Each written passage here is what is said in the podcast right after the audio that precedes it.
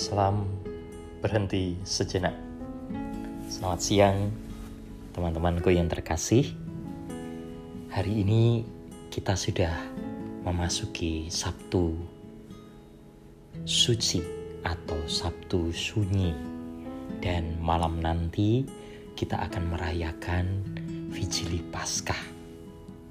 Sesuatu yang kita rindukan dan kita nanti-nantikan saya tidak akan membacakan bacaan-bacaannya. Nanti saudari-saudaraku bisa mendengarkan atau membaca sendiri bacaan-bacaan yang nanti akan dibacakan dalam misa Vigili Paskah. Saya akan langsung mengajak ke bagian permenungan yang saya refleksikan dan ingin saya bagikan kepada teman-teman semuanya. Aku rindu akan Tuhan dalam sakramen terkudus. Penggalan lagu ini menggambarkan perasaan sesungguhnya. Sebagian besar kita umat Katolik, tentu untuk tidak mengatakan seluruhnya, atas perjumpaan dalam perjamuan Ekaristi bersama secara langsung dan nyata. Kerinduan itu menandakan adanya harapan.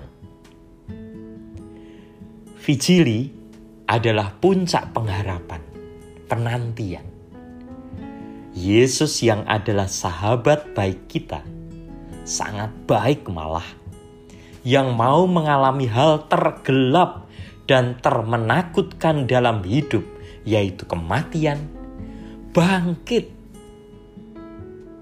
Itulah kasih dan pengorbanan Yesus yang menumbuhkan harapan dan semangat hidup.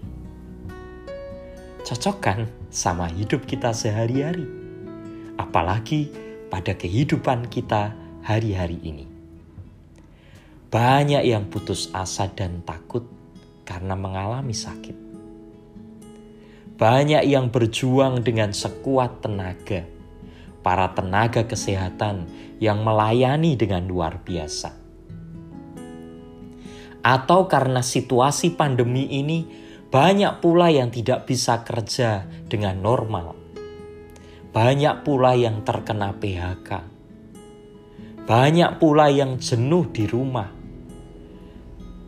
Tidak bisa beribadah bersama dan ada banyak orang yang mengalami kesulitan karena terdampak secara sosial.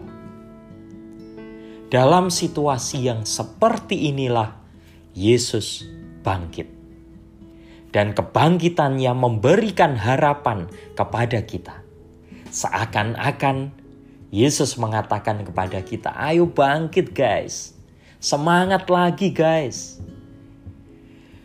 Saudari-saudaraku, teman-temanku semuanya, tidak ada banyak kata yang bisa terungkap selain harapan dan semangat hidup yang membuncah kembali. Karena keyakinan pasti bahwa rindu ini akan terobati. Selamat merayakan malam Vigili. Tuhan memberkati. Salam berhenti sejenak. Mari kita melangkahkan kaki kembali.